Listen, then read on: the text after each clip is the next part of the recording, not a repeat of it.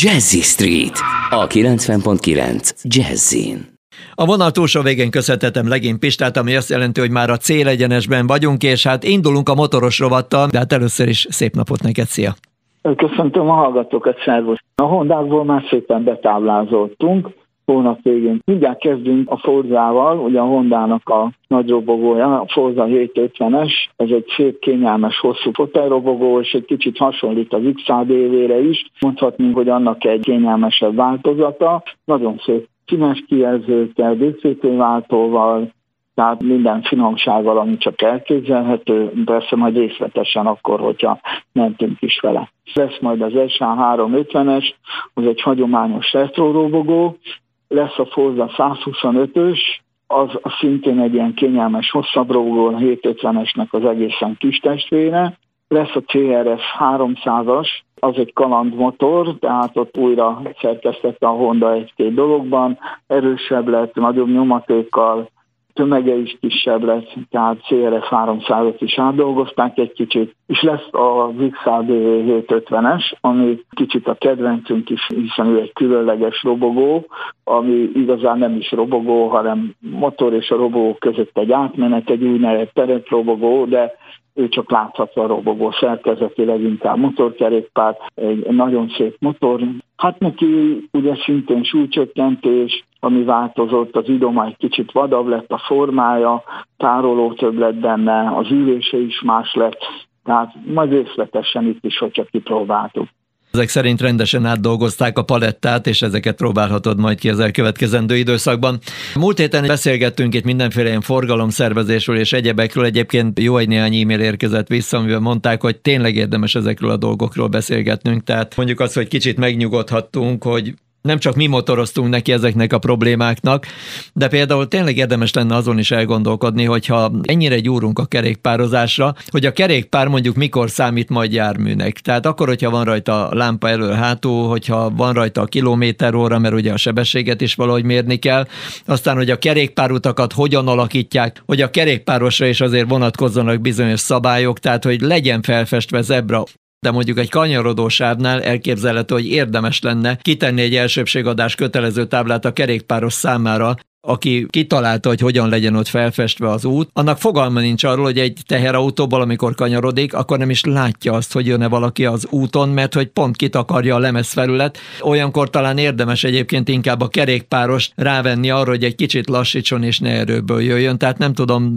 van-e esetleg valamilyen ötleted még, amivel majd ezt jövő héten akkor egy kicsit kibővíthetjük? Hát én mindjárt az elején megfognám, amiket mondtál, hogy relatív dolog ez szerintem, hogy sok a kerékpár. Tehát tény, hogy a belvárosban azért a jó időben egyre több kerékpárt látni. Most jelen pillanatban nem nagyon, tehát eléggé kevés van, de de ahogy a belvárost elhagyjuk, szinte egyáltalán nincsenek kerékpárosok. Kérdéses, hogy mennyire érdemes erre a forgalmat átszervezni, hiszen láthatjuk, hogy hosszú távra nem nagyon mennek biciklizen, csak a belvárosba cirkálnak. Amit mondtál a jobbra kanyarodással kapcsolatban, én ugye vezettem teherautót, meg, meg autóbuszt is, megvan végig a jogsim, és egyértelmű, hogy, hogy jobbra kanyarodáskor nagyon nehezen lehet belátni, hatalmas a holtere egy ilyen járműnek, egy, egy kamionnak meg pláne igazából kevés közlekedik, de egy egyszerű dobozos autónak is nagy a holtere, és, és tényleg nem jó az, hogy a kerékpárosnak elsőbsége van, amikor így áthalad az úton, mert a jobbra kanyarodó teherautós, vagy akár az autóbuszos igazándiból nem látja. Sokszor még a személyautóból se látni rendesen, hiszen tereptárgyak, akár bokrok, vagy akár egy hirdetőoszlop is gyönyörűen el tud takarni egy kerékpárost, és ha a kerékpáros úgy szágult be, hogy hű, nekem nagy melényel elsőbségem van, akkor bizony eltalál egy ilyen autót, és, és el is ütheti.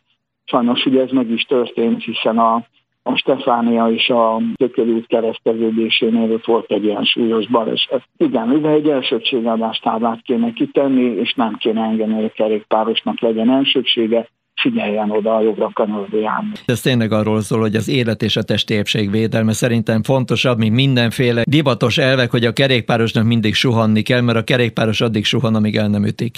Tehát próbáljunk meg egy kicsit úgy gondolkozni, hogy ez működjön, ha pedig nem működik, akkor tényleg el kell gondolkodni rajta, hogy esetleg érdemes lenne az úgymond szakembereket ad abszurdum bíróságére állítani hatáskörében elkövetett gondatlan közúti veszélyeztetés miatt, ami esetleg akár halállal is végződhet. Tehát nem úgy működik, hogy ész nélkül adunk mindenkinek elsőbséget, hanem megpróbálunk racionálisan gondolkodni, és ott van elsőbség, ahol tökéletesen belátható, hogyha úgy van kialakítva, és a kerékpáros sem mindenható, tehát ő is álljon meg lassítson, hogyha a gyalogos jön.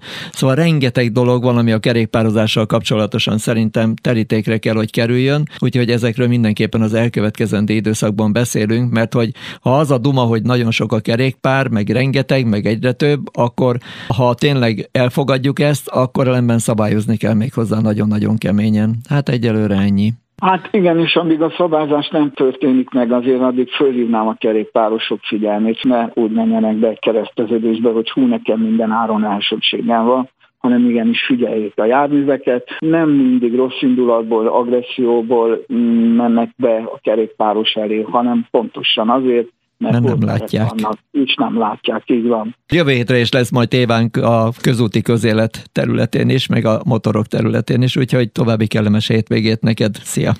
Szervusz, szép napot a hallgatóknak! És nagyjából ennyi volt a mai műsor. Köszönet a kitartó figyelemért, búcsúzik a műsorvezető Bögös Sándor, viszont hallásra és vigyázzanak a bringáznak.